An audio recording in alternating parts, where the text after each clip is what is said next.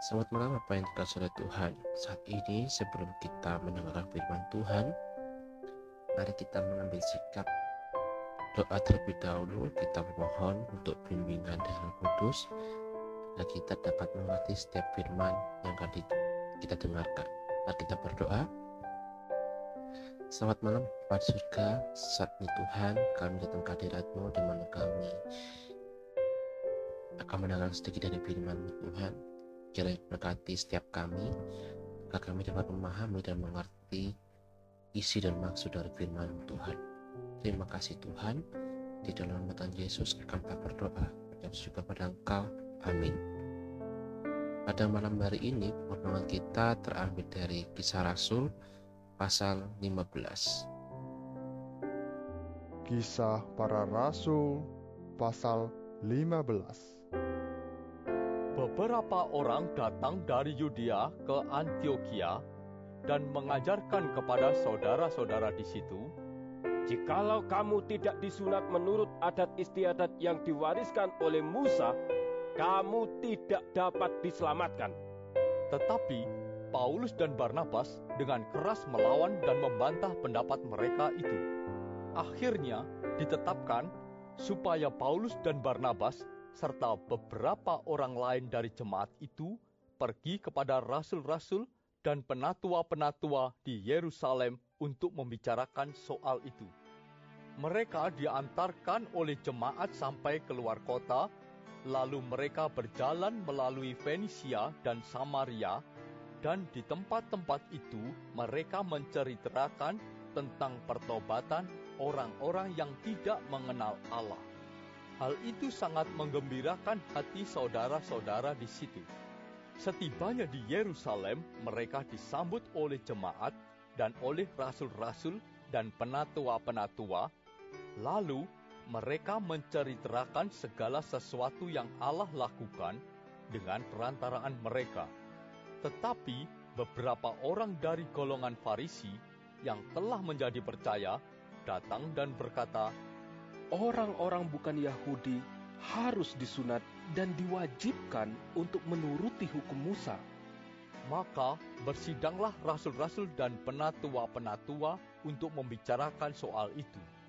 Sesudah beberapa waktu lamanya berlangsung pertukaran pikiran mengenai soal itu, berdirilah Petrus dan berkata kepada mereka, Hai saudara-saudara, kamu tahu bahwa telah sejak semula Allah memilih aku dari antara kamu, supaya dengan perantaraan mulutku bangsa-bangsa lain mendengar berita Injil dan menjadi percaya. Dan Allah yang mengenal hati manusia telah menyatakan kehendaknya untuk menerima mereka, sebab ia mengaruniakan roh kudus juga kepada mereka sama seperti kepada kita. Dan ia sama sekali tidak mengadakan perbedaan antara kita dengan mereka. Sesudah ia menyucikan hati mereka oleh iman. Kalau demikian, mengapa kamu mau mencobai Allah dengan meletakkan pada tengkuk murid-murid itu suatu kuk yang tidak dapat dipikul, baik oleh nenek moyang kita maupun oleh kita sendiri. Sebaliknya, kita percaya bahwa oleh kasih karunia Tuhan Yesus Kristus, kita akan beroleh keselamatan sama seperti mereka juga. Maka diamlah seluruh umat itu. Lalu mereka mendengarkan Paulus dan Barnabas menceritakan segala tanda dan mujizat yang dilakukan Allah dengan perantaraan mereka di tengah-tengah bangsa-bangsa lain. Setelah Paulus dan Barnabas selesai berbicara, berkatalah Yakobus, "Hai saudara-saudara, dengarkanlah aku. Simon telah menceritakan bahwa sejak semula Allah menunjukkan rahmatnya kepada bangsa-bangsa lain, yaitu dengan memilih suatu umat dari antara mereka bagi namanya. Hal itu sesuai dengan ucapan-ucapan para nabi seperti yang tertulis. Kemudian aku akan kembali dan membangunkan kembali pondok Daud yang telah roboh. Dan reruntuhannya akan kubangun kembali dan akan kuteguhkan. Supaya semua orang lain mencari Tuhan dan segala bangsa yang tidak mengenal Allah yang kusebut milikku. Demikianlah firman Tuhan yang melakukan semuanya ini. Yang telah diketahui dari sejak semula. Sebab itu aku berpendapat bahwa kita tidak boleh menimbulkan kesulitan bagi mereka dari bangsa-bangsa lain yang berbalik kepada Allah. Tetapi kita harus menulis surat kepada mereka supaya mereka menjauhkan diri dari makanan yang telah dicemarkan berhala-berhala, dari percabulan, dari daging binatang yang mati dicekik, dan dari darah. Sebab sejak zaman dahulu, hukum Musa diberitakan di tiap-tiap kota, dan sampai sekarang hukum itu dibacakan tiap-tiap hari Sabat di rumah-rumah ibadat. Maka rasul-rasul dan penatua-penatua beserta seluruh jemaat itu mengambil keputusan untuk memilih dari antara mereka beberapa orang yang akan diutus ke Antioquia bersama-sama dengan Paulus dan Barnabas, yaitu Yudas yang disebut Barsabas dan Silas keduanya adalah orang terpandang di antara saudara-saudara itu. Kepada mereka diserahkan surat yang bunyinya, Salam dari rasul-rasul dan penatua-penatua, dari saudara-saudaramu kepada saudara-saudara di Antioquia, Syria, dan Kilikia yang berasal dari bangsa-bangsa lain. Kami telah mendengar bahwa ada beberapa orang di antara kami yang tiada mendapat pesan dari kami, telah menggelisahkan dan menggoyangkan hatimu dengan ajaran mereka. Sebab itu, dengan bulat hati kami telah memutuskan untuk memilih dan mengutus beberapa orang kepada kamu bersama-sama dengan Barnabas dan Paulus yang kami kasihi yaitu dua orang yang telah mempertaruhkan nyawanya karena nama Tuhan kita, Yesus Kristus. Maka kami telah mengutus Yudas dan Silas, yang dengan lisan akan menyampaikan pesan yang tertulis ini juga kepada kamu. Sebab adalah keputusan Roh Kudus dan keputusan kami supaya kepada kamu jangan ditanggungkan lebih banyak beban daripada yang perlu ini. Kamu harus menjauhkan diri dari makanan yang dipersembahkan kepada berhala, dari darah, dari daging binatang yang mati dicekik, dan dari percabulan. Jikalau kamu memelihara diri dari hal-hal ini, kamu berbuat baik. Sekianlah, selamat. Setelah berpamitan, Yudas dan Silas berangkat ke Antioquia. Di situ mereka memanggil seluruh jemaat berkumpul, lalu menyerahkan surat itu kepada mereka. Setelah membaca surat itu, jemaat bersuka cita karena isinya yang menghiburkan. Yudas dan Silas, yang adalah juga nabi, lama menasihati saudara-saudara itu dan menguatkan hati mereka. Dan sesudah beberapa waktu keduanya tinggal di situ, saudara-saudara itu melepas mereka dalam damai untuk kembali kepada mereka yang mengutusnya. Tetapi Silas memutuskan untuk tinggal di situ. Paulus dan Barnabas tinggal beberapa lama di Antioquia mereka bersama-sama dengan banyak orang lain mengajar dan memberitakan firman Tuhan. Tetapi beberapa waktu kemudian, berkatalah Paulus kepada Barnabas, Baiklah kita kembali kepada saudara-saudara kita di setiap kota, di mana kita telah memberitakan firman Tuhan untuk melihat bagaimana keadaan mereka.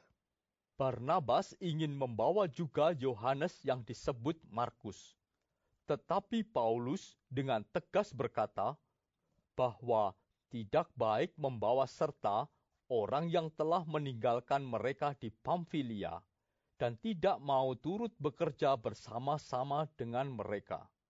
Hal itu menimbulkan perselisihan yang tajam, sehingga mereka berpisah, dan Barnabas membawa Markus juga sertanya berlayar ke Siprus.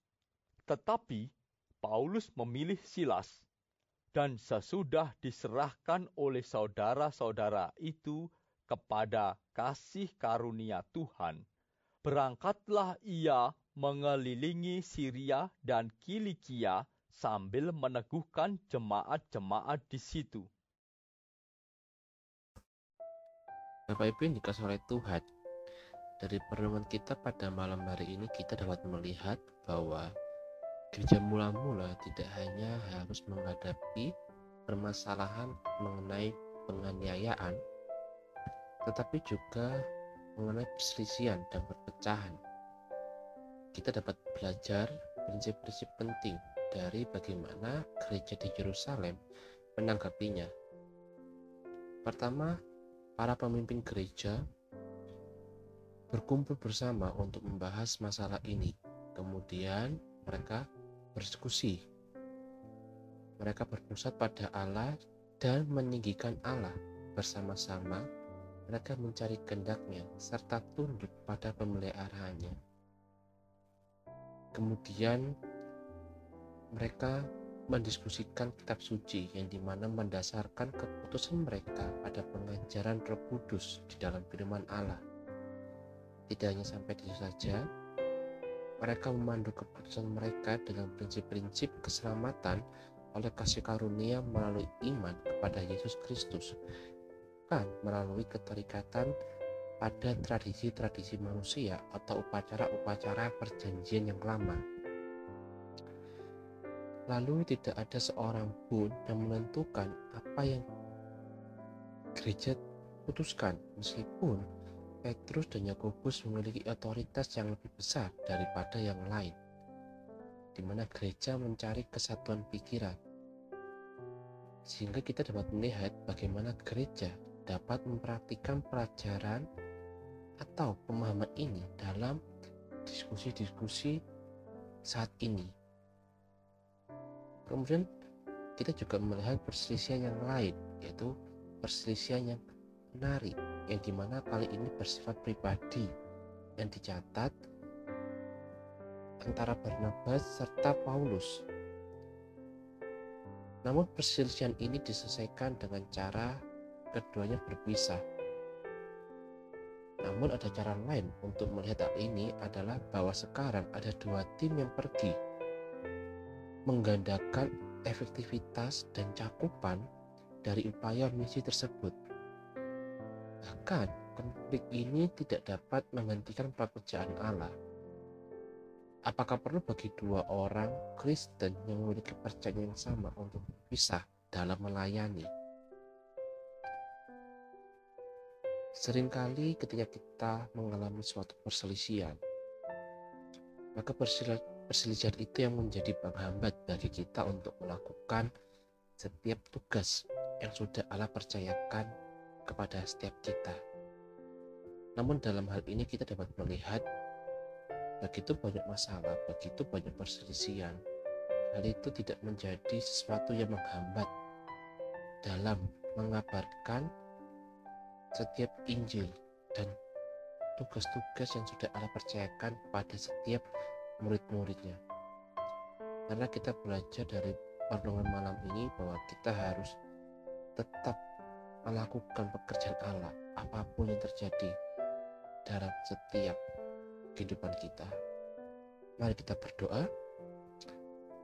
Bapak surga, saat ini Tuhan kami telah mendengarkan sedikit dari firman-Mu di mana kami belajar mengenai begitu banyak masalah yang terjadi baik itu di antara gereja baik itu antar jemaat baik itu antara hamba Tuhan dengan jemaatnya.